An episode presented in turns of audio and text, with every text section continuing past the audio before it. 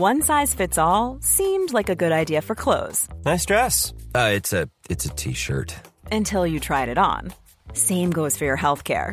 That's why United Healthcare offers a variety of flexible, budget friendly coverage for medical, vision, dental, and more. So, whether you're between jobs, coming off a parent's plan, or even missed open enrollment, you can find the plan that fits you best. Find out more about United Healthcare coverage at uh1.com. That's uh1.com. when it comes to your finances, you think you've done it all. You've saved, you've researched, and you've invested all that you can.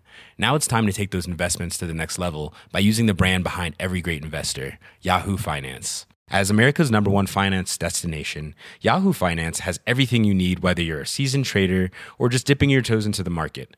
Join the millions of investors who trust Yahoo Finance to guide them on their financial journey. For comprehensive financial news and analysis, visit yahoofinance.com, the number one financial destination, yahoofinance.com. There's never been a faster or easier way to start your weight loss journey than with PlushCare. PlushCare accepts most insurance plans and gives you online access to board-certified physicians who can prescribe FDA-approved weight loss medications like Wigovi and Zepbound for those who qualify. Take charge of your health and speak with a board-certified physician about a weight loss plan that's right for you. Get started today at plushcare.com slash weight loss. That's plushcare.com slash weight loss. plushcare.com slash weight loss. Veckans sponsor är Telia. Hos Telia samlar man mobil, bredband, IT-support, mobilväxel, allt som gör företagande enkelt. Och det är just det här att samla allt på ett ställe, att ha någon att vända sig till när det inte fungerar, det är Telia. Ett exempel på vad som inte är Telia, det är ju som när jag lyckas boka förmötet för en poddinspelning med Finansinspektionen till efter själva inspelningstillfället.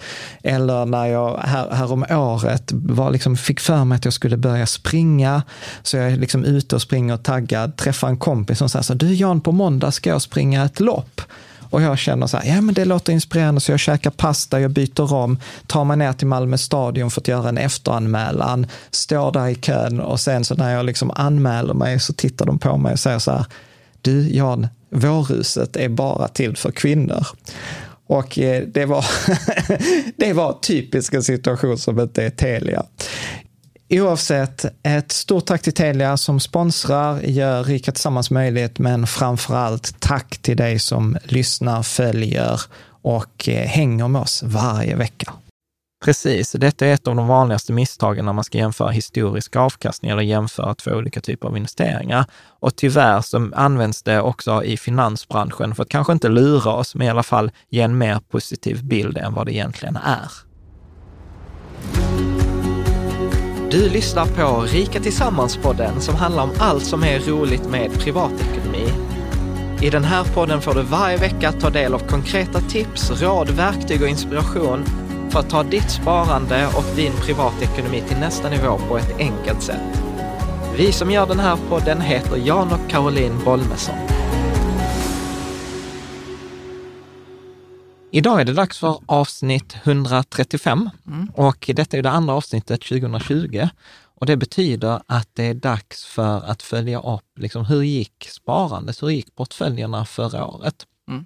Och detta är egentligen i vår serie med så tre avsnitt som alltid kommer. Det är bästa fonderna som vi gjorde förra veckan, som är liksom de bästa legobitarna Mm. för en sparande. Och idag är det hur gick det? Och nästa vecka blir det så här, så vad gör vi nu för 2020 och Ja. ombalanseringsartiklarna. Så att eh, dagens eh, avsnitt är ju då lite så här, hur har det gått? Lite analys. För Eh, vårda pengar då? ja, och, Eller? ja, För våra portföljer är det? Absolut, och sen vet jag att det är många av eh, de som lyssnar och tittar som följer som har samma. Mm. Så att detta är liksom en analys som vi gör. Även av, av ni som har, er som har samma? Ja, och sen, och sen kommer vi också göra en analys av Lysa som är med för första gången i de här utvärderingarna som vi har ganska mycket pengar hos Lysa. Mm.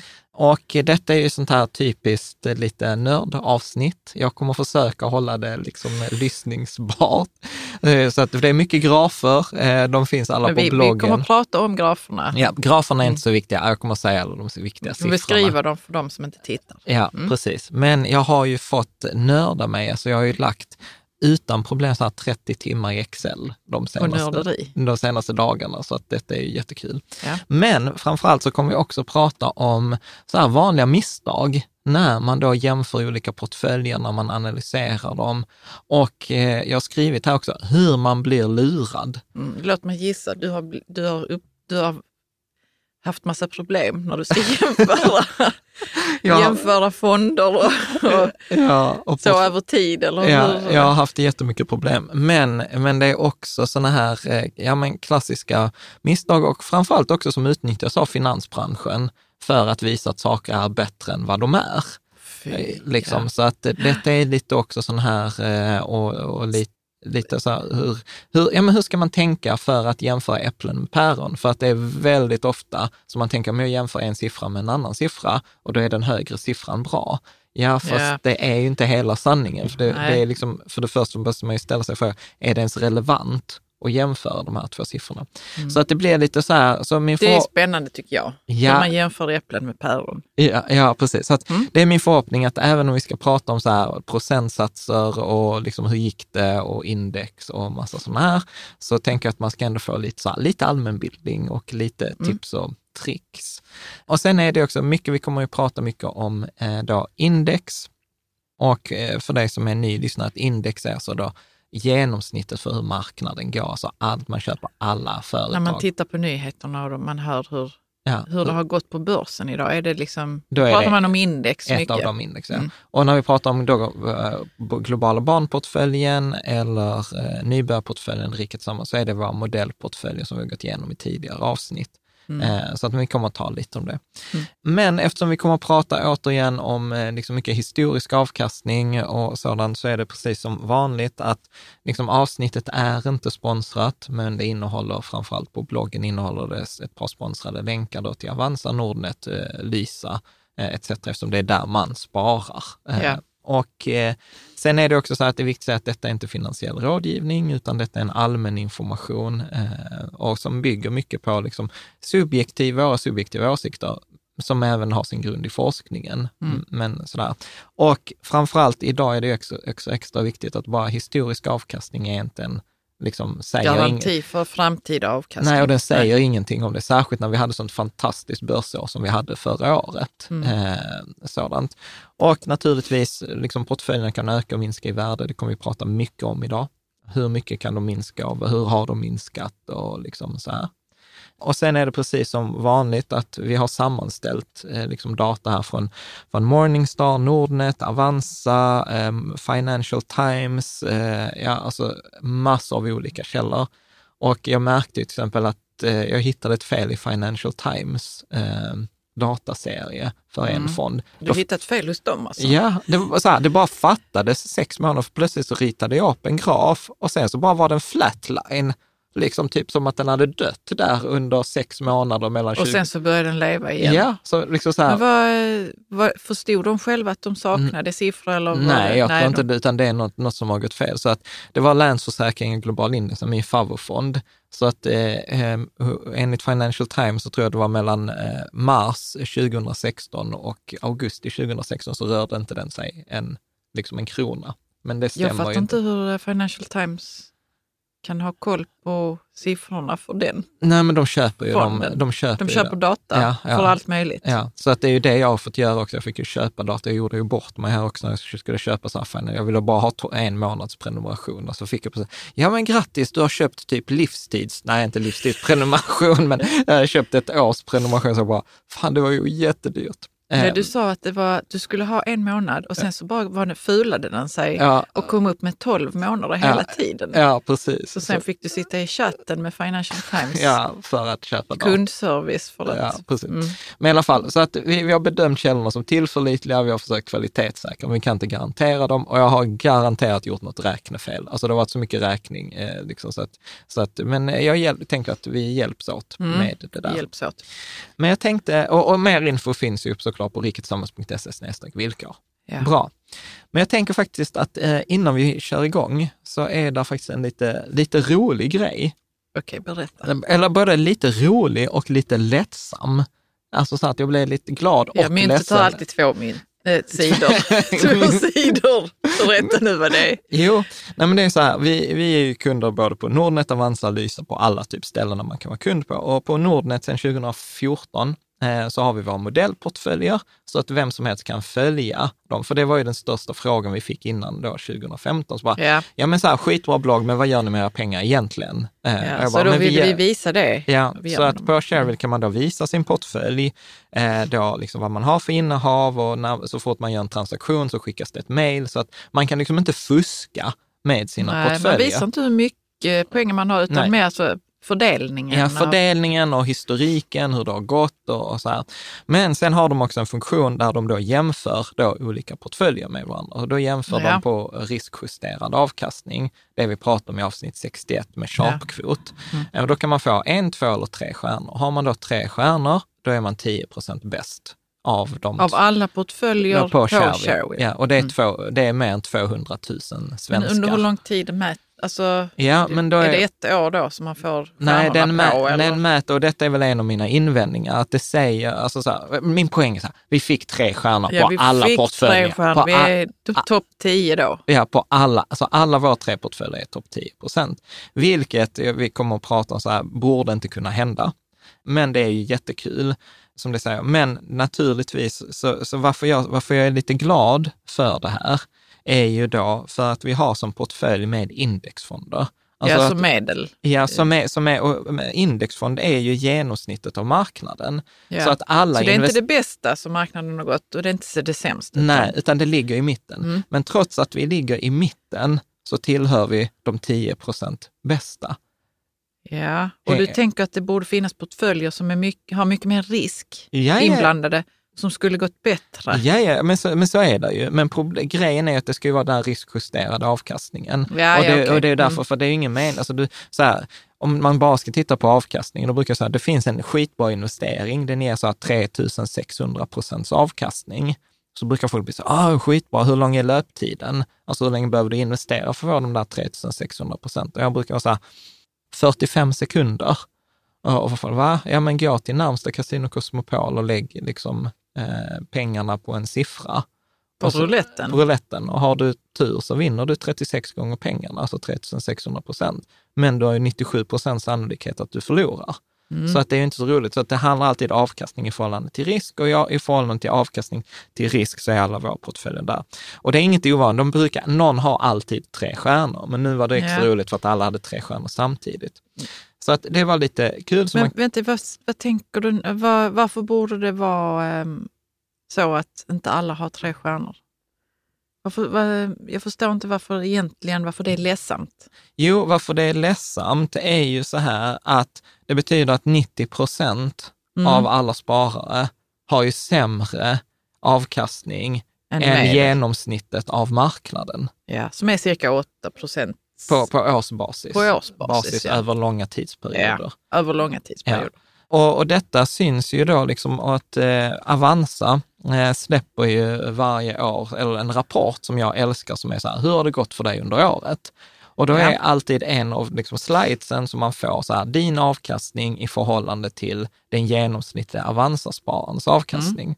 Och då har jag ju liksom nördat mig eh, och jag vet det är flera andra som har gjort detta, Lundaluppen, en annan bloggare och utdelningsseglaren med flera, som vi har antecknat de här siffrorna eh, som de föregående Över åren som har gått. Ja, sedan Ja. 2008. Och när man tittar på det här så har alltså den genomsnittliga Avanza-spararen underpresterat mot bara en indexfond, alltså en Stockholms, mot hela Stockholmsbörsen, sedan ni, eh, t- eh, nio av elva år. Så att, det, ja. så att, eh, liksom, att bara köpa en indexfond för svenska börsen, som, så som vi pratade om i förra avsnittet, och den här SEB Sverige Index, hade varit bättre i nio av elva år. Och då kan man också titta på, så här, ja men det handlar om så här, vad är skillnaden i avkastning? Ja, då har vi den här grafen på bloggen, eller du som tittar som ser den här, som är att den ackumulerade eh, avkastningen för Stockholmsbörsen eh, är då tv- 200 procent över den här tidsperioden. Så det betyder att om du investerade 100 000 kronor 2008 så hade du då idag haft 300 000 kronor. Är du med? 200 Ja. då ökat med 200 procent. ja, precis. Mm. Det är den ackumulerade avkastningen. Avanza-spararen, om man den hade lagt in 100 000, så hade de fortfarande gått med vinst och haft 177 000. Men det är en jäkla stor skillnad mellan att ha 300 000 kronor om jag hade haft indexfonden Mm. eller 177 000 kronor. Ja. Är du med? Ja. Eh, och, och, och tittar man då på avkastning per år, så vi brukar ju prata om den där 7 procenten per år. Den genomsnittliga Avanza-spararen har 5,3 procent i årsmedelavkastning och börsen har gjort 10,5. Så Mm. att det är liksom jättestor skillnad och det är därför detta är lite tragiskt. Att liksom de, de flesta hade ju fått en bättre avkastning genom att bara välja en indexfond. Så att Mm. De flesta som är det, men de flesta på Avanza, det är ju många där som är inaktiva sparare också, som inte gör så mycket med... Ja, eller pengar. vi, och vi vet inte om alla Nej, har vi 100 vet- procent nej, aktier. det Så vet där är en massa inte. Mm. osäkerhetsfaktorer, men det går ju i linje med forskningen som visar Mm. att man, man underpresterar. Och, och, och det är därför jag säger så här att ja, men det hade varit jättekul att säga så här, åh, våra portföljer är bland de bästa på Shareville för att vi är så himla grymma och smarta och mycket bättre än alla andra. Men så är det ju inte. Utan, utan det där handlar ju bara om att, liksom att jag, som jag brukar säga, så att ju fortare man inser att man är genomsnittlig och man inte kan slå marknaden, desto bättre kommer det gå. Så att lite så här, grattis, eh, grattis till dig som investerar i indexfonder eller har en fondrobot som Lysa eller följer våra modellportföljer. För det betyder att över tid så kommer du ligga bland de bästa spararna, trots att du egentligen bara får en medelmåttig avkastning varje enskilt år. Men summan av en medelmåttig avkastning varje enskilt år blir över tid mycket bättre än för de flesta andra sparare. Mm. Så grattis och sen hjälp dina kompisar och vänner som inte har en Ja, indexfond att precis, ja. åtminstone välja den typen. Bra, så det var ju ett litet eh, sidospår. Så, och, och vet du vad, där är också en sån grej. Jag skrev faktiskt en liten här bonusartikel om detta på bloggen Ja, som Em, kom i... som kom i onsdags.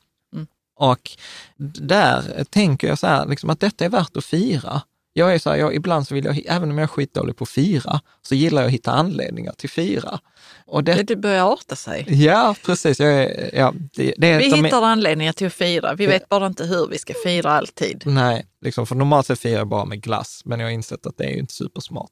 Men i alla fall, då tänker jag så här, fira, för att tittar man på detta på 5, 10, 15 års sikt, alltså det kommer göra en sån sjukt stor skillnad eh, att investera liksom passivt, i, långsiktigt, än att försöka hålla på som en genomsnittlig småsparare. Så Ja. det, jag, jag brukar säga så här, ditt framtida ekonomiska jag kommer ju tacka dig. Ja. Liksom. Eh, så att, ja, det var ett eh, sidospår. Mm. Men ändå ganska kul. Jo, men det hör ihop med detta. Ja, Ja. men så gör det. Om vi då, vi kan ju säga då siffran för 2019. Eh, Stockholmsbörsen gjorde 35 procent eh, och den genomsnittliga Avanza 23 procent Mm. förra året, 2019. För det var ett riktigt bra år. Det var ett riktigt Börsen bra, också. riktigt bra år. Eh, och tittar vi då på börsens eh, utveckling, så Sverige då, då, och då, när, nu kommer vi prata om då index och då pratar jag om 6RX-indexet. Så när jag kommer prata om Stockholmsbörsen, om jag inte säger något annat så är det 6RX. Och det betyder att det är alla bolag på Stockholmsbörsen. Jag gillar det indexet framför allt av två anledningar. Ett, eh, för att det finns historik från 1870 på detta Mm. Det indexet är nice ju. ända tills idag. Nummer två, det tar med alla bo, i princip alla bolagen eh, på Stockholmsbörsen. Eh, så att det är bra tvärsnitt. Och det finns en tydlig fond som den SEB Sverige Index som följer detta indexet. Så att det är inte så teoretisk övning, utan vill man ha 6RX, som jag jämförde här nu med Avanza, spararna, så går det att välja rakt upp och ner. Så Ja. därför gillar jag det. Mm. Så den slutade på 34,97, så nästan plus 35 procent. Och tittar vi på globalbörsen så gick det en 28,59. Och när vi pratar om globala börsen så pratar vi om MSCI World. Alltså då, Ja, som tar alla bolag all, över en som- viss storlek. Nej, som, tar, som fördelar pengarna i, Mm. i hela världen enligt liksom deras då MSCI-företagets eh, då, modell. Och eh, det, det är ju den fördelningen som vi pratade om i, i förra avsnittet, där då 52 procent hamnar då till exempel i USA, för USA har den största börsen, Ja. medan Sverige då är ju bara 1 procent av det totala börsvärdet i världen, så bara 1 procent hamnar eh, där. Så investerar man en hun- 100 kronor i MSCI World så får man en krona i Sverige, 52 kronor i USA, 8 kronor i Japan, eh, 3 kronor i Kina ja. och så vidare. ja, precis. Ja. Vi har ju diskuterat den Ja, vi har diskuterat märkliga fördelningen. Men, det är, men så, så Det- som den ser ut nu Ja, vi är den vettig ju. ja, vi kommer att prata om den ännu mer i nästa avsnitt. Mm. Men då kan man ju här dra slutsatsen, vad var det bäst att investera? Ja, om Ja. jag tittar på den här eh, börsens utveckling 2019-grafen, Ja, så då har du då var det bäst i Sverige. Ja, varför det? För att det gick plus 34,97 procent och Mm. globala MSCI World, World. gick plus 28,59. Procent, eller hur? Ganska logiskt, mycket bättre. Det gick eh, liksom 6 procentenheter Ja. eh, bättre i Sverige. Ja. Grattis till första misstaget. Jag liksom. vet jag måste, vadå? Jag, låt mig titta här nu. Vad är det för misstag du pratar om? ja. Jag vet inte. Nej, nej, precis. Och detta är det misstag som de flesta gör. Detta är en jämförelse Ja, det- mellan det- äpple och päron. För att du jämför... På grund av valutan. På grund av valutan, ja. Mhm. Mm. För att här p- i Sverige räknas ju i svenska kronor, Ja. eller hur? Så vi har haft en uppgång i 34,97 eh, procent eh, då i Sverige. Och den globala börsen, MSCI World, räknas ju i US-dollar. Så hur Ah. US, och eftersom vi är en svensk investerare så vill vi ju räkna om detta i svenska kronor, för det är ändå de facto det som då liksom det räknas om till. ja, Hänger du med? absolut. Ja. Och korrigerar vi, korrigerar vi för då US, eh, liksom US-dollar och svenska kronan, hur den har förändrats under förra året, ja då har ju den globala börsen gått inte 28,6 utan 34,2. Mm. Än med för att den eh, US-dollarn har gått upp med ungefär 6 procent under förra Precis, året. den har gått upp där ja. Ja, så Mm, svenska så då kronan är det har, det som är... har då har de gått samma ungefär. Ja, de har och gått- det är logiskt, Ja, kan man ändå tycka. att Ja, svenska kronan hade ju kunnat gå åt andra hållet också. Nu är ju svenska kronan blivit svagare under förra året, så att vi har, det har ju blivit dyrare för oss utomlands att Ja, åka utomlands och handla. Mm. Men för oss som har haft tillgångar utomlands så har det ju varit positivt, för vi får ju fler svenska kronor för samma aktie. Mm. Är med? Mm. Så att detta är, detta är ett av de första misstagen som många gör, är att man jämför inte liksom med eh, liksom äpplen med äpplen, utan man jämför då plötsligt ett index i US-dollar med ett index i svenska kronor. Och, Och- tänker inte på att dollarn tänk- har varierat i Ja. svenska kronors värde. Och det är detta Mm. som man kallar för valutarisk eller Mm. valutamöjlighet. Mm. För detta hade ju kunnat gå åt andra hållet också om, om, eh, om svenska kronan hade eh, försvagats. Hänger du med? Ja, och h- har du sett den här jämförelsen någonstans på nätet eller har du liksom, var det som du själv gjorde nu och bara, aha, vänta här nu? Liksom. Ja, alltså till exempel globala... kan, är det lätt att göra den här Nej. jämförelsen och sen bara inte tänka på? Liksom? Det är lätt att missa. Det är lätt att missa. Det är lätt att missa. Eh, sen Det är så man här man, eh, om man nu eh, hade tyckt så att nej, men det vi skiter i den eh, valutaförändringen, eller vad ska man säga, Mm. Valutaförändringen. Valut- valutaförändringen, så är det så här man använder statistik till sin fördel. Om, det inte, om man inte, om man inte Ja, visste titta, det. Liksom. titta vad mycket bättre jag var än MSCI Ja. World. Mm. Liksom. Ja, ja, Mm. visst. Nej, men för det kan ju gå åt andra, och vi kommer att prata om det, för valutan spelar ju eh, roll. Mm. Eh, sen eh, sen liksom över långa tidsperioder så kan man argumentera att det är både fördelar och nackdelar. Eh, ja, att ha pengarna. Jag gillar ju, som vi pratar ju alltid om att sprida riskerna mellan eh, aktier och räntor och Ja. olika länder och olika branscher. Så jag gillar ju att sprida riskerna i olika valutor också. Eh, faktiskt. Mm. Eh, så att, eh, så att man- om man räknar man om det så har den svenska börsen och den globala börsen gått i princip lika, ungefär plus 35 procent. Mm. Vilket är ju liksom superbra. Eh, det andra då misstaget som man gör är ju att man liksom eh, tittar och så tar man så här, ja, men den har gått upp 100 procent på fem år.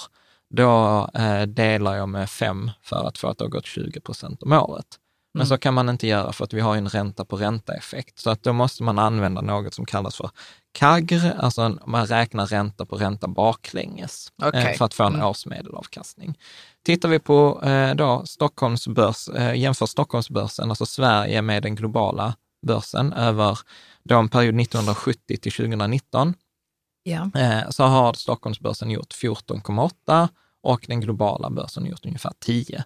Så trots att vi pratar 7, så när vi pratar 7 så är vi försiktiga. Den har liksom den senaste 50-årsperioden gjort betydligt bättre. Nu har Ja. jag, här ska jag också då säga att från och med nu eh, så kommer jag i många av de här fall inte korrigera för valuta för att det är inte relevant Eh, utan det kom, där det kommer så kommer det vara relevant. Men Ja. här, denna är, när jag säger Där 10 har du inte där har jag korrigerat. inte korrigerat. Nej, det känns också kronor. som att globala börsen borde gått bättre än 10 procent de senaste 50 åren. Mm, Ja, fast det, det där, detta visar också det att Stockholmsbörsen är ju en högriskbörs. Alltså Ja, svenska det börsen ju går absolut. mycket upp när den går upp och den går mycket ner när den går ner. Jag kommer visa det i jämförelse också. Så att det är inte så konstigt att globala börsen rör sig med mindre svängningar än Stockholmsbörsen. Stockholmsbörsen är Nej, men liten. Jag tänker att det har hänt så mycket eh, inom industrin, i USA framförallt. Ja, fast det, du måste tänka att det är bara 50 procent i USA. Ja. 50 procent är resten av världen. Så att du har ju många fler Ja. innehav. Mm. Eh, ta- Ja, man har många fler innehav. Ja. Ja. Tittar du på en global, om vi bara tar en enkel eh, fond som följer då eh, MSCI World, till exempel Länsförsäkringar Ja. Global eh, eller Avanza Global eller någon av de här, så innehåller de nästan 2000 bolag. Medan den bredaste, då så här 6RX-fonden, det innehåller 300 bolag. En vanlig, de standard Sverigefonder innehåller bara 80 bolag. Och det är en stor, sjukt stor skillnad på liksom 80 bolag i ett litet land eh, liksom som Sverige eller 2000 bolag i hela världen. Ja. Eh, Jo, visst. så att, bra. Sen kommer ju detta, liksom det andra misstaget. Och det är ju att när man då pratar om de här eh, årsmedelavkastningarna så beror de väldigt mycket på vilken tidsperiod man visar. Ja. Är? Så att, eh, och detta är också en sån här grej att man kan välja visa avkastning i olika perioder. En med för man att välja, få ja. olika, eh, olika resultat. Mm. Tittar vi till exempel på Stockholmsbörsen mellan 1870 och 2019, det är all, hela perioden, all data som finns, då är det 9,2 i årsmedelavkastning. Mm. Om man eh, tittar Stockholmsbörsen mellan de senaste två decennierna, alltså 2000 till 2019, ja då är det 7,2. Som den har gått upp. Ja, Mm. eh, och tittar vi mellan 2010 och 2019, alltså senaste decenniet, Ja. ja då är det 9,8. Mm. Så att eh, liksom olika tidsperioder är, kan ge väldigt olika eh, resultat. Man tänker på när någon visar dig en sån graf. Ja, eller Kanske man säger vill så ha här- lite rådgivning. Ja, precis. Och Eh, någon visar så här har det gått för våra fonder. Ja, precis. Så att det är väldigt viktigt vilken, tids, eh, vilken tidsperiod man tittar. Mm. Jag, jag räknar ju hellre på de dåliga som 7 procent och sen får man ju bli positivt överraskad om det blir 8, Ja. 9, eh, Ja. 9 procent. Mm. Kategorin värdelöst vetande. Eh, Ja. Detta är så här, alltså så här, när man ändå sitter med Excel så kan man ju ändå roa sig lite också. Och vad, vad räknar man då också ut? Jo, då räknar man ut en investerad hundralapp 1870, vad skulle den vara värd 2019? Bara liksom så här, investera 1870 och Ja, men det är ju, det, man dubblar sina pengar var tionde år eller vad det var. Ja, ja, jag kan säga att det blir mycket, mycket mer. Nu återigen, detta är så här värdelöst vetande för att eh, vi tar inte hänsyn till inflation, vi tar inte hänsyn till massa skatt och massa andra faktorer. Nej, nej. Men det är ändå ganska för att få perspektiv. Om du skulle gissa en hundralapp eh, 1870. Ja, men om jag bara gissar, Om du för bara jag räknar inte ut nu. nej, Nej, men så 5 000 kronor kanske. nej, mer, 20, mer. 40. 40 000. Ja. Jag kan säga, vet du vad, du är inte ens nära. Ta i så att du spricker nu då. Ja, men eh, en miljon då. Ja, jag kan säga så att du är inte ens nära. 50 miljoner. En hundralapp investerad Och 1870. jag sa 5 000. jag känner hur jag skäms.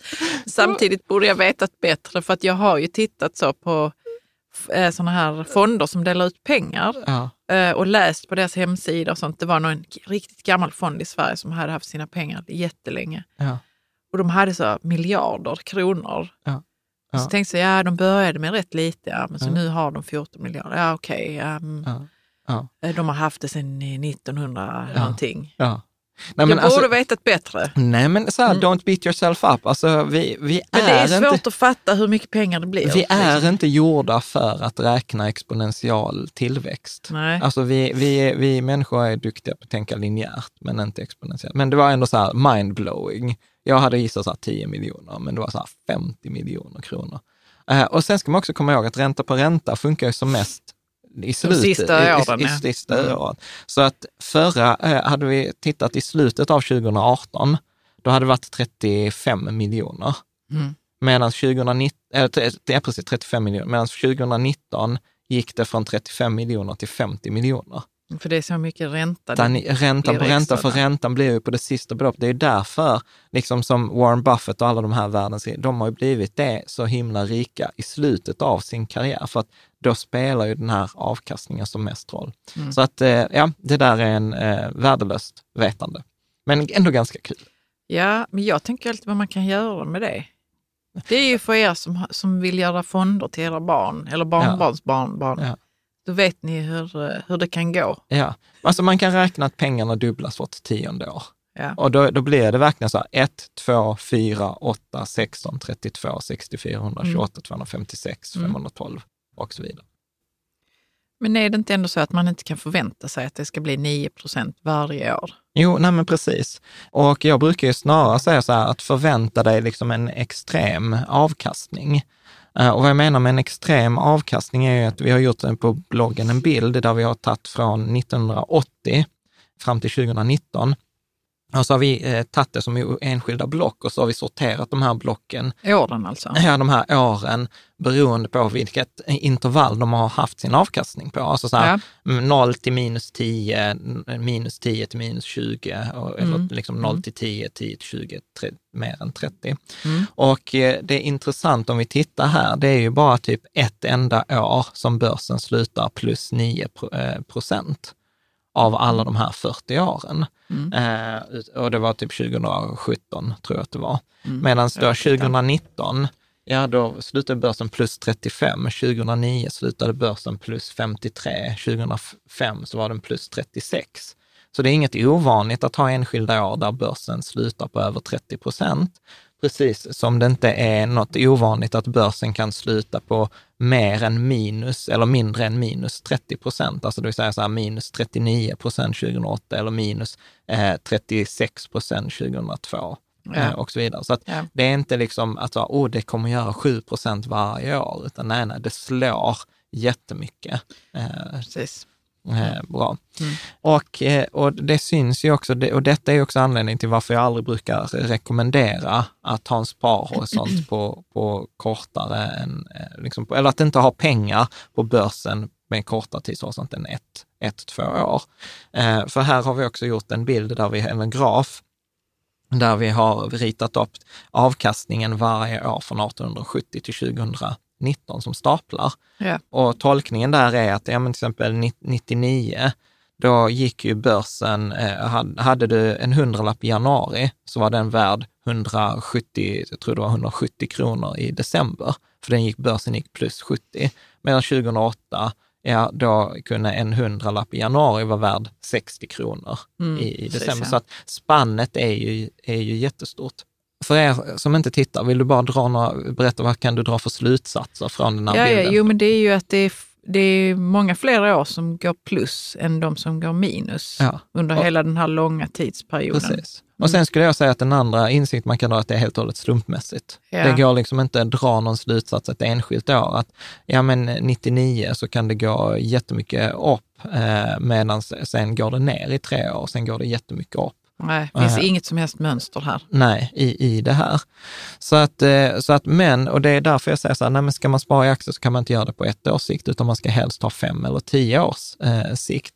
Så då har vi också då räknat om det här i tioårsperioder. Ja. Så då har vi tittat, okej, om vad händer om jag sparar från då, eh, alltså i första perioden 1870 till 1879, 1871 till 1880 och sen har vi gått så ända till liksom 2010 till 2019, 2009 till 2018. Så vi tittar på en tioårsperiod. Och vad skulle du säga om du skulle, vad kan man dra för slutsats från den bilden? Mm. Att det är väldigt få eh, tioårsperioder som det går ner. Ja, De flesta går upp Ja. bara. Eller Ja, liksom eh, går plus menar jag. ja, ja. Mm. Sen andra världskriget så är det ingen tioårsperiod som har gått back. Mm. Ingen tioårsperiod sedan andra världskriget på svenska börsen har gått back. Det är ganska Så man intressant. vinner alltid någonting. Ja, och, och lägger du på de här tioårsperioderna, ja men då börjar vi hamna på de där 7, 8, 9 procents avkastning per år och vi har sannolikheter på över 90 procent på ett positivt utfall. Eh, drar vi det liksom ännu längre, tittar vi på ännu längre tidsperioder, ja då har vi nästan 99 procent sannolikhet för positiva utfall. Ja. Så tiden är vår bästa vän. Mm. Det är så himla liksom, eh, viktigt. Och sen har jag också på bloggen gjort en, eh, en bild här eh, som visar per sparhorisont, som jag har en sparhorisont på ett år, fem år, eh, 10 år eller 25 år. Vad har de här eh, perioderna haft för lägsta, maximala och medelavkastning, Ja. medianavkastning? Mm. Och detta visar ju då att ett enskilt år så har ju då börsen, liksom det sämsta enskilda året, då gick den back 39 procent och det enskilt bästa året har gick den plus 69 procent. Ja. Det är så att vi har ett spann mellan minus 39 och plus 70. Mm. Alltså det är 110 procentenheters spann. Det är ett jättestort spann. Mm. Men om vi då investerar med en sparhorisont på fem år, ja då minskar spannet drastiskt. För den sämsta femårsperioden, då har det varit minus 17 procent och den bästa 38,9. Ja. Så spannet och medlet, eller medianavkastningen här är då 8,7. Mm. Och tittar vi på eh, då till exempel ett pensionssparande, ett 25-årsspann, det, då har vi liksom det bästa är 21 procent och det sämsta är minus 0,4. Mm. Så för varje år vi lägger på så blir de här intervallen min, jämnare och jämnare och Mm. risken för förlust blir mindre och mindre. Ja. Är det, Ja, det går, det att hänga, går det att hänga med absolut. på? Bra. Så att eh, om vi då hoppar eh, till hur, hur det har gått för våra portföljer. Mm. Börjar vi med nybörjarportföljen då. Yes, och nybörjarportföljen det är ju vår, eh, en klassisk balanserad portfölj, eh, då 60 procent aktier, 40 procent räntor. Eh, sen har vi haft marginellt med guld i det där också, men det kan man nästan bortse från. Och eh, detta kallar vi en nybörjarportfölj, för den är väldigt enkel att förstå. Eh, den är enkel att sätta upp. Har man en fondrobot, ja då ställer man in den på 60 procent aktier, 40 procent räntor. Och även om jag ibland kallar den för nybörjarportfölj så är det liksom inte att eh, man behöver skämmas för den, utan Norska oljefonden har i stora drag samma fördelning och då tror jag de förvaltar alltså flera tusen miljarder. Vilket är ganska kul. Har den något annat namn också? För jag har hört talas om den här all weather, men det kanske Nej, är det en är, annan inte, fond. det, det är inte detta. Det är, Det är inte en detta. annan. Utan detta är en, en annan. klassisk balanserad 60. Läser man en bok om eh, sparande investeringar så, kommer, eh, så kommer denna alltid vara med. Ja. Eh, så ska du säga någonting om eh, hur det har gått? Så, Mm. Och då har, jämför vi med eh, Stockholmsbörsen. Och då har vi jämfört med Stockholmsbörsen, det 6RX-indexet som vi pratade om innan. Och sen har Mm. vi jämfört med ett annat index som också är för Stockholmsbörsen, OMX30. Ja. Och OMX30 är då Sveriges 30 största bolag, eller mest, inte största, mest omsatta bolag. Mm. Eh, så om du ja, Stockholmsbörsen har ju gått då är 6RX-index. sex är nästan 35 procent. Ja. Stockholm i OMX30 plus 25,8 och Ja. nybörjarportföljen 21,8 procent. Ja. Mm. Och den har ju varit väldigt jämn, Ja, så att, eh, nybörjarportföljen. Jag vet inte vad du vill säga någonting om det? ja, jag, jag tänker så här, eh, vad, vad hade varit bäst att investera i? 6RX. Ja, 30-35 procent, Ja. eller hur? Mm. Mm. Detta är det andra misstaget som man Ja, ofta men gör. det är, nu är det inte någon valuta som jag inte räknar med. Vad är det jag inte räknar med? John? Vad är det jag inte tänker på? Ja. Alltid ska du lura mig. Ja, men för att jag, tack och tack för att du är liksom, du le, leker med mig i Ja. podden här. Eh, jo, nej men så här, Stockholms eh, indexet, vad består det av? Ja, men 300 aktier, eller hur? Det består av 100 procent aktier. Ja, ja, Och vi jämför en 100 procent aktieportfölj ja. Med en portfölj som bara innehåller 60 procent 60 procent aktier. i i nybörjarportföljen. nybörjarportföljen, för den innehåller ju 40 procent räntor som Ja. är liksom broms, eh, som är ett sänke, som är för att minska eh, liksom risken. Så återigen, man kan inte jämföra liksom på det här sättet, säga nej men det är mycket bättre med Stockholmsbörsen, titta här, den har gått mycket bättre. Ja, det har du gjort. Under men det- detta året som har gått. Ja. Ja, precis. Men du jämför ju två helt olika grejer. Mm. Och då är vi tillbaka där som vi pratade också i typ många avsnitt, eller förra avsnittet, att 80 procent av din avkastning ges ju av tillgångslaget, aktier eller räntor.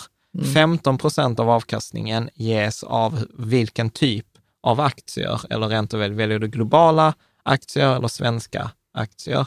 Och sista, de sista 5 procenten ges ju av eh, eh, vilken fond, är det Länsförsäkringars fond eller Avanzas fond etc. Mm. Så att det, liksom så här, tillgångslaget här spelar ju väldigt, väldigt stor roll. Så man, det är vanskligt att jämföra med Stockholmsbörsen. eh, på det här sättet. Däremot blev jag jätteglad, alltså du får pluspoäng för att du noterade att kurvan var ju mycket mer jämn.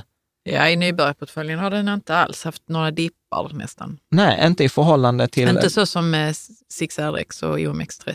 Nej, exakt. Och det är ju tack vare räntorna. För Mm. räntorna fungerar ju stabiliserande, så i nedgång så blir de ju en livrem krockkudde och eh, i, i uppgång så blir de ju ett sänke. Mm. Så att det går inte lika mycket upp, men det går inte heller lika mycket ner. Men då kan man ändå tycka ju så här att, ja men är, tror du att det är ett vanligt misstag att man jämför? eh, Ja, det tror jag. Ja, supervanligt. Tittar vi på, eh, tittar vi på Shareville, Mm. då som vi pratade om innan idag, Ja. ja, så jämför man alltid de här portföljerna mot OMX, alltså Ja. mot Stockholmsbörsen. Så oavsett vad du har i din portfölj så blir du jämförd med Stockholmsbörsen. Mm. Är du med? Och detta är, jag tycker ju detta är ju orättvist. Eller liksom... eh, Men är det orättvist egentligen? Ja, men det är ju som att jämföra äpplen på en här. Till exempel nu valde jag med flit en tidsperiod här, tre månader på denna bilden. Där har ju nybörjarportföljen gjort 4 procent, index har gjort 10 procent. Mm. Ja, men det är ju inte rättvisan. Vi har ju liksom inte svensk 30 eh, liksom svenska bolag i vår portfölj. Vi har flera tusen globala Mm. eh, bolag. Och sen är det dessutom, eh, nu har jag inte ritat upp eh, detta här, men om vi går tillbaka till, de, eh, till den förra sliden och tittar på den här Stockholmsbörsen 6RX, som är då de här 300 bolagen, så är det dessutom ett index som inkluderar utdelningar, medan OMX30-indexet exkluderar utdelningar. Bolag som ger utdelning? Ja, så att det där är också en sån där grej, till exempel att om jag hade nu varit fondförvaltare som haft en Sverigefond, hade jag visat då min fond i förhållande till OMX 30 så hade det ju sett mycket bättre ut, för jag har bara plockat bort alla utdelningar från indexet, än om jag hade jämfört med ett index som har, är, har eh, utdelningar. Hänger med? Ja. Så att vanliga misstag man gör, det är att man väljer fel, fel index. Man, väl, man korrigerar inte för valuta. Eh, man jämför inte rätt på tillgångsfördelningen och man jämför inte huruvida där är inkluderade utdelningar eh, eller Men vad inte. skulle man annars jämföra med, tycker Alltså, vi- du, ja, nybörjarportföljen? ja, alltså vi jämför ju den själva mot 60 procent globalindex och sen 40 procent räntor. Mm. Alltså för det är ju det som är, det är liksom det som är ett, ett annat äpple också. Ja, Och vad, vad får vi då egentligen? Att eh, vi kommer, jag kommer visa Vi det. kommer att visa det. Vi kommer visa. Mm. Och sen jämför jag ju mot Lysa. Mm. Och då jämför jag ju min nybörjarportfölj med 60 procent aktier och 40 procent räntor med en Lysa-portfölj med 60 procent aktier och 40 procent räntor. Annars blir det ju samma Ja. problem. Men jag kan tänka mig också att det är många som tycker att det är rätt att jämföra på detta viset, för då ser man ju hur det går om man har 100% aktier, att det är bättre och du vet. Ja, men så här, På, på det viset så får de ju vatten på sin kvarn. Så. ja, men för mig blir det så här, ja men det är klart. Alltså Mm. det är ingen rocket science. Har du 100 procent aktier så har du 100 procent risk. Ja. Har du 100 procent risk så kommer det alltid gå bättre. Mm. Men då är frågan, pallar du 100 procent risk? Mm. De flesta kommer inte palla det, eh, utan man kommer freaka ut och det visar ju varenda studie. Och liksom man ser det i siffrorna, vi, vi hade ju någon graf, på exempel inflöden, utflöden. När börsen gått ner så tar folk ut sina pengar, vilket är ju helt ekonomiskt ologiskt. För när något går ner så blir det ju billigare. Och vi säger alltid köp billigt, sälj dyrt. Så det är ju när börsen har rasat som mest som inflödena borde vara som störst. Mm. Men så är det ju inte, utan när är inflödena som störst? Jo, när börsen har varit uppe ett tag. Ja, ja, visst. Och det är det man inte tänker på. Liksom. Man Nej. tänker så att det är, det är klart att det är bättre med 100 aktier och, och Ja, om man, om man vill, om man vill, orkar den eh, risken som det innebär. Ja. Om man man vill- tänker inte på det när man tittar på, på sin lilla graf och, och tänker så här, men det är bättre att ha ordentligt med aktier. Ja, ja, ja. nej, men Mm. precis, eh, precis så är det. Och jag tänkte också, eh, när vi ändå pratar om det här med freaka ut eller med risk, så har jag här för första gången gjort egna så kallade drawdowns, eh, gr- drawdown-grafer. Och en drawdown-graf är helt enkelt något som visar från toppen till botten. Så vad är den största, alltså vad är den maximala nedgången som den här portföljen har råkat ut för? Mm. Än med, så att vi börjar inte så i januari och så ser vi liksom vad, vad är lägsta värdet, utan Nej. vi tittar från en topp till botten. Okej, kallas det drawdown? Maximal drawdown, alltså vad är den maximala nedgången? Ja. Och här jämför jag ju då eh, nybörjarportföljens drawdown med Stockholms, eh, då, den här OMX30, liksom, Ja. för att visa på skillnaden. För det är många som säger, "Ja, men jag, jag har Avanza Zero, den är gratisfond, 100% aktier. Ja, absolut, men låt oss jämföra då, istället för att jämföra på avkastning uppåt, där vi sa att ja, det är klart att Avanza-fonden kommer vara, gå bättre, den kommer gå men låt oss titta på då drawdownsen. Och då har nybörjarportföljen har som sämst, eh, eh, un, sedan den startade 2015, backat. Minus 13,7 procent. Så den största fallet från toppen till botten, det största fallet, om man hade maximal otur och köpte när nybörjarportföljen var som dyrast, till det att den tappade som mest, då har man Ja. förlorat 13,7 procent. Mm. Den genomsnittliga nedgången är 2 procent. Ja. Okej? Om vi jämför, vad är den maximala nedgången på Stockholmsbörsen? Minus 27,5. Ja, och den genomsnittliga nedgången? Minus 10,3. Ja. Mm. Så att den, liksom, OMX då 100 procent aktier i förhållande till 60 procent globala aktier och räntor, har vi alltså en fem gånger större genomsnittlig nedgång och mer än dubbelt så stor maximal nedgång. Mm. Är med? Ja. Så att på detta sättet har jag, man kan inte säga att man har fem gånger lägre risk. Det, Nej, det det, det, det, är helt fel. Men det är ändå liksom en faktor fem på den genomsnittliga nedgången i de här två portföljerna. Mm. Och detta finns som graf eh, på, på, på bloggen. Men jag tycker ju detta är sjukt spännande. Jag vet inte, du ser inte lika Jo, jo, men absolut. För ut. vi vill ju minska risken så mycket det bara går. Ja, och för att och då jag, ser vi hur lite den går ner jämfört med om man skulle haft 100% aktier. Ja, för jag, min tro, min tro är att om man tittar, det är mycket större sannolikhet att du behåller en portfölj som går back minus 13,7 procent, än du behåller en portfölj som, är, behåller som har gått ner minus 27,5 procent. Mm. Är med? Absolut, det är så mycket större sannolikhet. Ja, och bara man kan, bara kan behålla sina pengar när det krisar sig, ja då har man bättre odds. För det är det du säger, forskning har visat att man är Ja. sitt, sina pengars största fiende. Ja, När man håller på och meckar med dem, tar Ja. ut och sätter in och håller Ja, på. man försöker tajma marknaden och man får panik och man freakar ut. Etc. Mm. Bra, jättekul. Jag har aldrig lyckats få till en max drawdown. Så tack Oskar eh, på Lysa som faktiskt har hjälpt mig med Ja, det din där. Nördkompis. ja, så att, natten. ja, du får inte kalla honom så, men det är Nej, stort. nej, jag, jag säger att du, du är hans nördkompis kanske då. ja, precis. Ja, men jättekul. Mm. Eh, så tittar vi på nybörjarportföljen under 2019 och så jämför vi med korrekta jämförelseindex. Eh, alltså som är viktade på 60 procent aktier och, Okej, och sen, låt oss titta nu. ja, så ska du säga. Okej, då nybörjarportföljen har då eh, gått 21,8 Mm. procent Plus plus under 2019, en portfölj med 60 procent aktier i Sverige har gått, 21 procent. ja, Global 20,5, ja, Lysa 19,3. ja.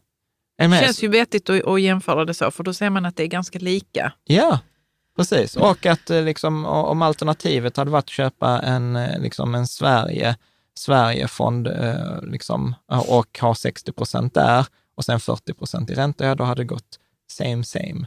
Så att, Mm. liksom, och då märker man här, det är inte så stor skillnad eftersom tillgångslaget ger 80 procent av avkastningen. Och det märker vi, det märker vi här. Och sen så variationen, variationen här så kan någon reagera så här, va? Nybörjarportföljen gjorde 21 och Lysa gjorde 19. Mm. Att, att det diffar. Och jag ringde faktiskt till Lysa och vi pratade om det här och gjorde min egen analys. Men då handlar det om helt enkelt hur man har valt att vikta de här fondtyperna. Med? För tillgångslaget är ju samma för alla tre portföljerna. Det är Ja, det är det ju. 60 procent aktier och 40 procent räntor. Mm. Därför diffar det inte så himla mycket. Så då måste vi titta på nästa som är fondtypen. Ja, Och här diffar det. Och utan att gå in för, för mycket på det, så vi har ju lite haft eh, tur eh, detta året om man jämför med Lysa. Mm. För till exempel då, vi har 40 procent i Nordamerika Mm. i vår portfölj, medan Lysa har bara 35 och procent mot Nordamerika. Och eftersom eh, då det amerikanska indexet gjorde 31 procent och det globala bara 28, så betyder det att ju mer du hade i USA, eh, desto bättre gick det. Och inte bara desto bättre gick det, desto mer hade du dessutom i US-dollar och desto bättre gick ju den valutan också. Precis, ja. Så är med. Så att Lisa, som egentligen var en, en mycket bättre global fond än vår, vår konstruktion, fick ju liksom lida för att de har en mer riskspridd portfölj.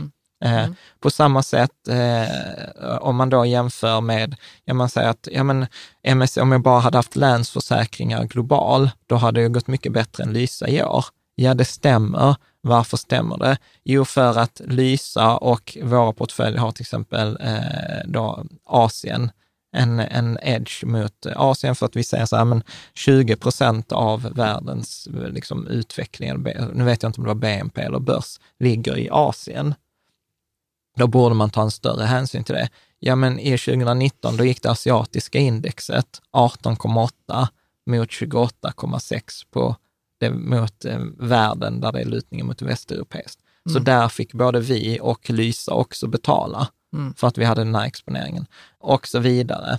Eh, och sen så hade ju eh, vi också lite guld som också förändrar priset. Så att jag skulle säga så här, att det, man ska inte dra någon slutsats överhuvudtaget på att säga att oh, nybörjarportföljen gick 21 procent och 21,8. 21,8 och Lysa gick 19,3. Nej, men, men det som vi också belyser här utan att, att tänka på det, det är ju att man ska ju man ska titta på sina grafer Ja, och så ska man fundera över varför det ser ut på det viset. ja.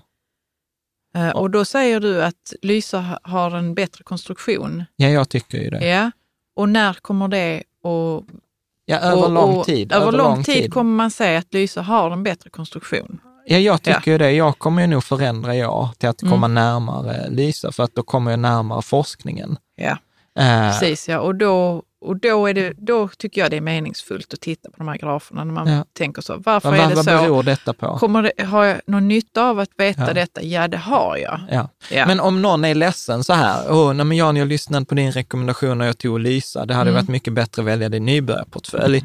Eh, Och, liksom, och du vet, så här, man skulle kunna säga, ja men Jan, titta du är mycket bättre än Lysa. Nej, jag är inte mycket bättre, jag hade tur. Än med, det är stor skillnad på tur och Mm. Vi kollar skicklighet. på 12 månader ju. Vi bara. kollar bara på 12 månader. Vi har haft en, U- en valutauppgång på USD, på, alltså på US-dollar, på 6 procent. Tillväxtmarknaden har gått dåligt. Det finns andra år då tillväxtmarknaden har gått dubbelt så bra som Nordamerika. Så att det, detta hamnar liksom inom eh, felmarginalen. Ja, Så att, bra. Så att, jag, ty- jag tyckte det var jätteviktig Ja. graf att prata om där. Ja, precis. Och jag har också brutit ner detta på bloggen, så för, för den som liksom är intresserad och vill bryta ner i den här, eh, Titta liksom, närmare på det. titta närmare på det här så, så, kan, man, eh, så kan man göra eh, det. Precis. Eh, och jag tänker, men jag tänker om vi fortsätter. Ja, Så då ska vi titta på eh, nybörjarportföljen sedan 2015. det var Och- sedan den startade då alltså. Ja, precis, när vi startade nybörjarportföljen. Och eh, här har jag också då korrigerat så att vi har rätt jämförelseindex och då har jag jämfört ett, eh, ett globalt då MSCI World, räknat om till svenska kronor och så tagit 60 procent aktier och, och sen gjort samma sak med då 6RX-indexet. Ja. Och eh, ja, men du kan ju säga vad det slutade på. Ja, vad, vad ser vi här nu då? Global 60-40 fördelning, då blir det upp 47 procent. Ja. Nybörjarportföljen 44,4 procent. Ja. Sverige 60-40 då, 38,1 procent. Så att eh, nybörjarportföljen ligger precis eh, liksom där, den, där den ska ligga. Den, den eh, liksom följer sina index, ligger mitt mellan det globala och det svenska Ja. liksom, eh, indexet. Förmodligen skulle jag säga att detta handlar om valuta. Ja. Eh, att den här differensen, att eh, svenska kronan har ju förlorat i värde de senaste, senaste åren. Mm. Men det är liksom så här, den, och den rör sig ju egentligen perfekt med eh, som, de, som de andra. Som eh, sina kompisar. som sina kompisar. Så att, eh, ja men jag, jag är så här supernöjd. Mm. Om vi tittar på globala barnportföljen, så det är det ju vår mer aggressiva högriskportfölj. Vad så- har vi i den? Vad är det? 90 procent aktier och 10 procent räntor.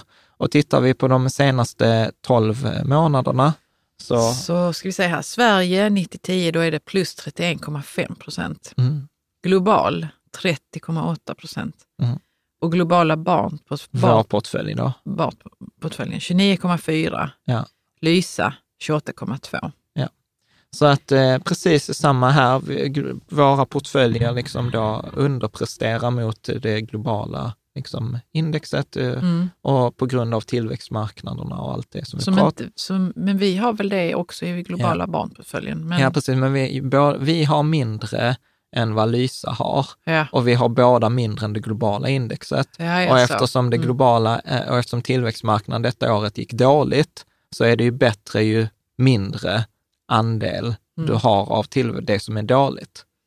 Därför går vi sämre än det globala eh, Mm. indexet. Så i detta fallet hade man haft då Avanza Global eller Länsförsäkringar eh, eller Länsförsäkringar Global, ja, då, då har det gått bättre än vår, både då vår portfölj och eh, Lysa.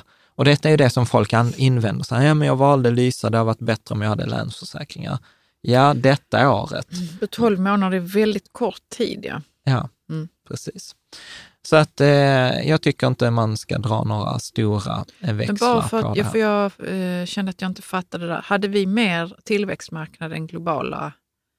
eh, Än globala för indexet. Ja, ja. Ja, precis så var Ja, det. för att vi jag lägger bara ju- uppfattade det som att du sa att vi hade mindre än det globala och att det var... Nej, vi har mindre än Lysa. Ja. Så att vi har liksom båda en bas liksom i, i liksom eh, det, det globala. Men sen Mm. har ju du och jag i vår portfölj lagt till en, då, Länsförsäkringar Tillväxtmarknadsfonden eller Asien eller Swedbank Robur Access Asien. Så att vi lägger till mer av det än vad MSCI, alltså det grundläggande världsindexet gör. och det hade gått sämre sa du Och det hade gått 2019. sämre. Ja, och Lysa har lagt till ännu mer än vad vi har Mm. eh, gjort, så därför har de blivit straffade för det. Och när man då också lägger till någonting som går sämre, så betyder det att man tar ju mindre av det som har gått bra. Och eftersom vi dessutom hade en effekt av US-dollarn som gick, sex, som gick väldigt bra i år, så blir det ju dubbelbestraffad Mm. eh, för, för det där. Men jag tänker, nu ska vi inte säga om framtiden, så det gör vi ju aldrig. Mm. Nej. Men man kan fundera. Ja. Som vi låtsas att vi har det här i tio år till, Mm. nio år till. Ja. Vi kan inte veta hur det ska gå Nej. på tillväxtmarknader som Kina och Indien och Nej. så. Och hur det ska gå för USA heller för den delen. Nej. Men vi, jag vill ju gärna ha tillväxtmarknad. Ja. Ja, ja. Och jag är glad att vi har lagt till extra. ja. Och någonstans så tror jag ändå att vi kommer och, och att det kommer gå bra för oss. Att det kommer att ge Mm. utväxling. Liksom. ja. Men man kan ju inte veta. Nej. Nej. Vad, vad tänkte du när du la till?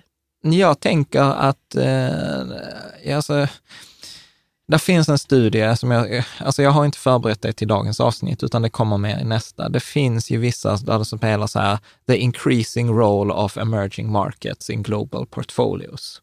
Alltså, Okej, det finns en sån studie. Ja, ja, och det finns massor Från- av rapporter. Ja, från till exempel MSCI, MSCI alltså Ja. de som gör de här indexen.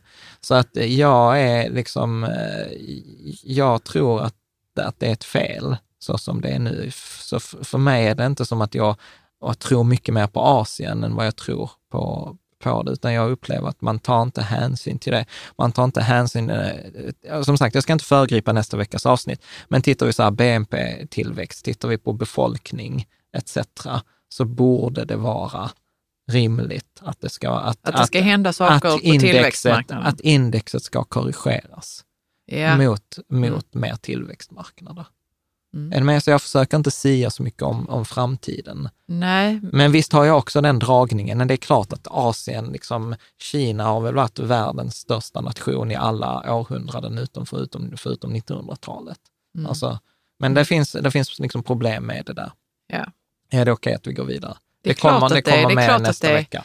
Eh, det, för det är kul att prata om, men man, det är inte säkert man får någonting ut av det. Liksom. Nej, så Mm. kontentan att ta med sig eh, här är, är, är vi så här, är vi ledsna att vi gjorde 29 procent och Lysa gjorde 28? Nej, det är vi inte. Det, det är inom felmarginalen. Mm. Eh, Det är fantastiskt. Och sen då har vi inte ens tagit hänsyn till alla de där grejerna som är att det är mycket enklare i tid, ombalansering och hela liksom. Mm. Att använda lyse. Ja, precis. Så att det är mycket smidigare. Mm.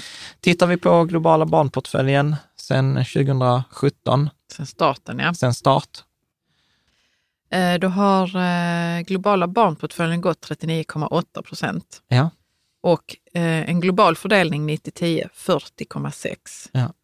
Och Sverige plus 37,1.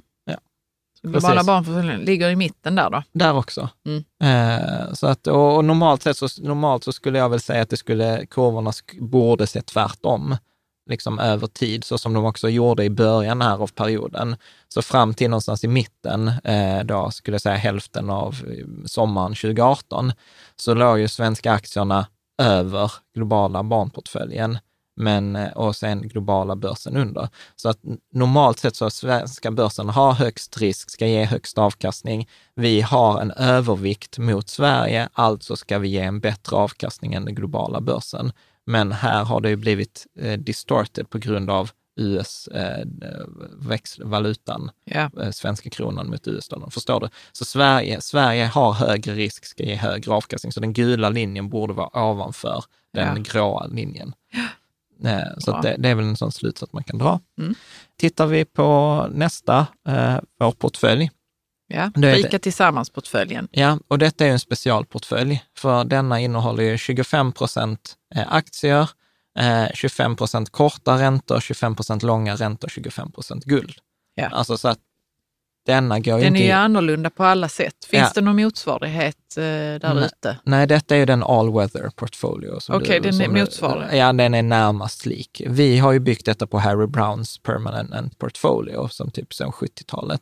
Fördelen med den här är ju att denna ska ju alltid gå plus. Alltså att det är det som är på årsbasis ska den gå plus. Och detta märkte, det var någon läsare som skrev till mig, du, du sa att den alltid ska gå plus och när jag tittar i min portfölj så har den gått back. Och då var jag så här, okej, jag var nog otydlig. Det är inte som att varje dag ska den gå plus, utan Nej. på årsbasis. Och jag tror sedan 1970 har den bara gått back tre gånger eller Mm. fem gånger. Så kan du se någonting kring, kring denna när du tittar på grafen? Liksom. Jag säger vad den har gått. Nej, det- Eh, ja, det sa vi. Den har gått Plus 20 procent så under eh, 20. under 2019. Ja. Ja.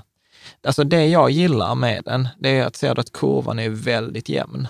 ja. Alltså den är inte alls, om vi jämför med de andra kurvorna som har varit slagiga, du vet det går mycket upp och det går mycket ner, så tuffar ju denna ganska på. Sen ska jag säga så här, 20 procent är en helt sjuk avkastning. Jag Alltså- tänker med, med alla de räntorna som ligger i den. Och är, guldet. Ja. Hur kan detta vara? Ja, men, alltså, är det för att börsen har tagit ett sånt kliv liksom, Nej. 2019? Nej, Detta, är, detta är, guldet har gått upp med över 20 procent. Aktierna Okej, har gått har upp över 20. Ja, men det är för att det, det För man tänker att guldet ska väl gå upp när det blir sämre tider. Ja. Men det är ju inte sämre tider. ja, det kan man ju diskutera. Men det, Eh, nej, På börsen är det ju Ja, inte och, det. och, och räntan har gått ner. Så att detta har ju varit sånt optimalt år för Riket Tillsammans-portföljen. Mm. Vilket det ska man absolut, alltså jag räknar med att Riket Tillsammans-portföljen ska göra typ 4 procent om året. Alltså denna, detta är, vi kommer titta på det sen, denna har slagit, alltså den har slagit alltså portföljen med 100 procent aktier. Alltså det, det ska ju inte vara möjligt. Är du, är du med? Nej, men nu hände det. Nu hände det. Eh, Men framför allt eh, det som, det som jag gillar eh, med då Rika Tillsammans-portföljen, det är ju det här. Känner du igen, vad är detta för en graf? Ja, typ? max drawdown. Ja, så Mm. vi tittar på då förlusterna. Vad är den maximala förlusten i en sån här Rika Tillsammans-portfölj? Och nu tittar vi på hela eh, tidsperioden. 2015 till 2019. Ja, Och då är det minus tre- 8,3 procent. ja som, eh, som maximalt. Ja. Och eh, om vi tittar på den maximala nedgången liksom på globala börsen så har den doppat eller dippat på över min, nästan minus 20 procent två gånger. Mm. Så att denna är ju en sån portfölj, den svänger ju väldigt, väldigt lite. Mm. Så att detta är ju det som är den stora liksom, styrkan eh, i, den här, i den här portföljen. Ja. Så detta är jag ju superstolt över. Sen naturligtvis så kommer ju denna låga svängningen kommer ju på bekostnad av avkastning i andra, eh, i andra änden. Men om vi tittar sedan 2015, så ja, mot de här fyra åren då. Fem. Eh, fem ja. Så eller har, sex som är 2015, 16, 17, 18. Ja, förlåt, nu behövde jag räkna på fingrarna, jag är lite trött här. Fem år, ja. då har globala börsen gått plus 110,6 Ja. procent. Totalt. Sverige plus 89,3 procent. Ja. och Rika Tillsammans-portföljen 54,2. Ja. Och ja, den har ju inte svängt nästan alls. Nej. Nej, Den har gått upp lite den sista mm, året. Liksom. Ja, precis. Men ser du, svängningarna är ju, den, alltså denna tuffar på. Ja, den tuffar på oavsett. Ja.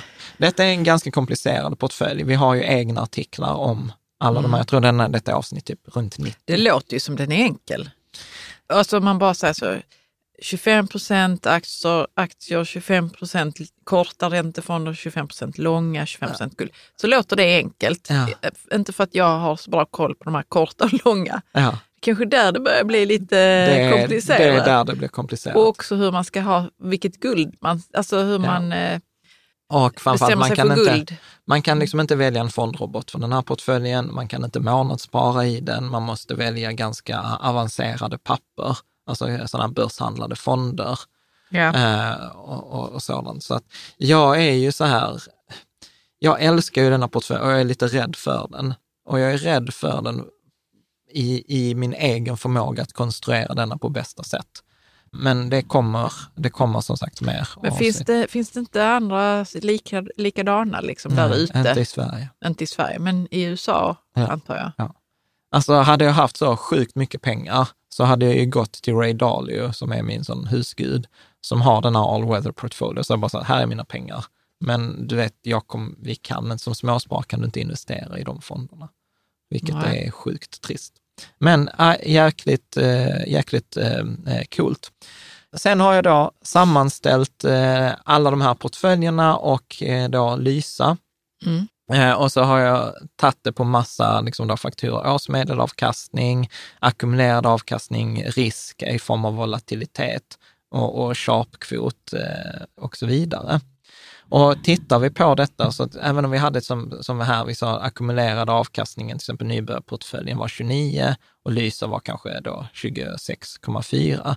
Om vi tittar på den årliga, eh, vad heter det, årliga genomsnittsavkastningen, så till exempel om vi tar vår globalportfölj så är den 11,38 per år, medan Lysa ligger på 10,8. Mm. Jag menar att de ligger väldigt, väldigt eh, nära, Ja. eh, nära varandra. Eh, så att det är där jag menar att nybörjarportföljen och Lysa, det spelar i, ingen roll. Vi, vi har en edge mot eh, Lysa för att det är enklare, det är smidigare. Mm. Riket Sammansportföljen har gjort 7,8 eh, procent, vilket är jättebra. Målet, här är egentligen mest intressant att prata om målet. Målet för Riket Sammansportföljen är ungefär 3-4 procent. Nybörjarportföljen är ungefär 5 och eh, globala barnportföljen är 7. Mm. Och alla ligger årsmedelavkastningen mycket högre än det. Vilket jag tycker är så här, ja men det går enligt, går enligt plan. Ja. Bra. Jag tänker inte säga någonting eh, om, om de här så himla mycket. Eh, Sharpkvoten eh, ligger Ja, på... du sa det innan att det detta kan bli ett supernördigt eh, avsnitt, Ja. Nej, men vi har ju... Ett, men det är det inte. Nej, inte än. Nej. Nej. vi ska inte göra det mer nördigt än så här. Nej, men där finns ju ett mått, avsnitt 61 handlar om sharpkvoten, som är så här ett mått på hur, hur stor risk har du tagit för att få den avkastningen som du vill ha. Ja. Och eh, då är det så här, ju högre desto bättre har du, eh, och det är ofta Ju högre sharp-kvot, desto Ja, bättre. ofta, ofta pratar vi så här, 0 till 1 är eh, bra, eh, under 0 är dåligt, då ska man byta och över 1 är typ världsklass. Då Två- har man två- eh, fått fantastisk avkastning I på den förhållande- risk för- Tim man har. Det är där jag, därför jag älskar till exempel Spiltan Räntefond Sverige, för den har typ en sharpsgrupp på 3, vilket är så helt sjukt. För de tjänar jättemycket, har en jättehög avkastning i förhållande till den risken som de tar. Men eh, sharpkvoterna, om vi tittar på den perioden där jag kan jämföra alla Lysa och mina portföljer, så ligger den på runt 0,7, Mm. vilket är helt godkänt. Tittar jag sedan start så ligger jag på 1,1 Mm. på en treårsperiod. Eh, och det är fullt, alltså så här, man hade inte behövt skämmas för att vara en fond och Nej. ha en sharpkvot på 1,1.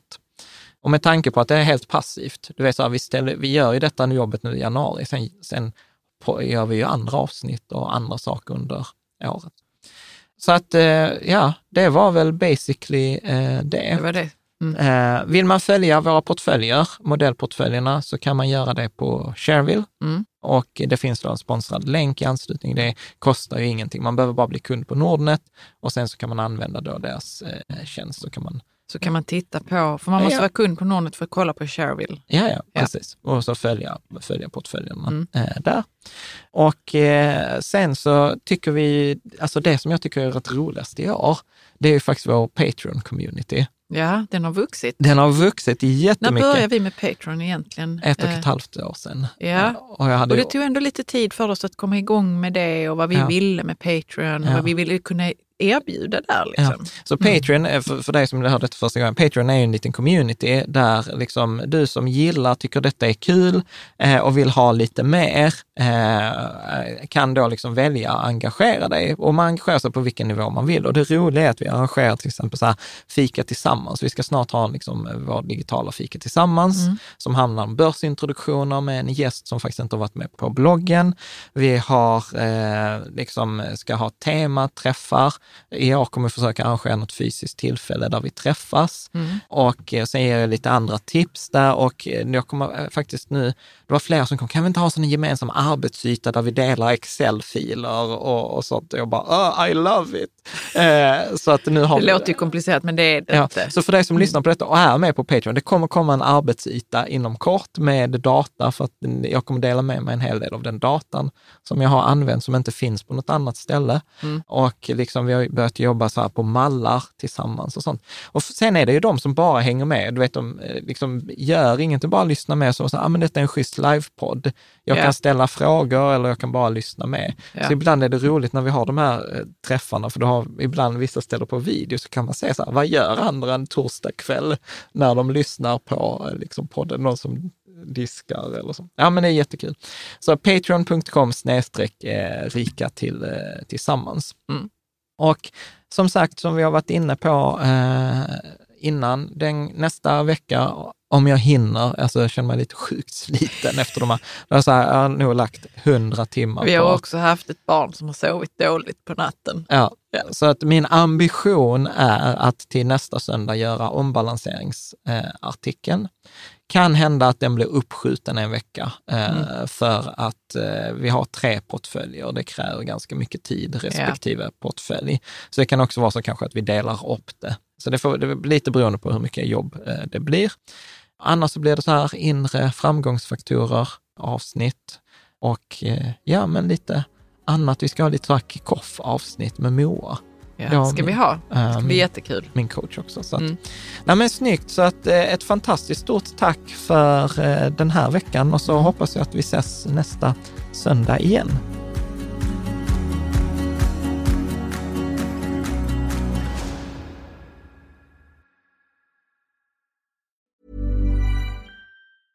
Hey, it's Paige DeSorbo from Giggly Squad. High quality fashion without the price tag. Say hello to Quince.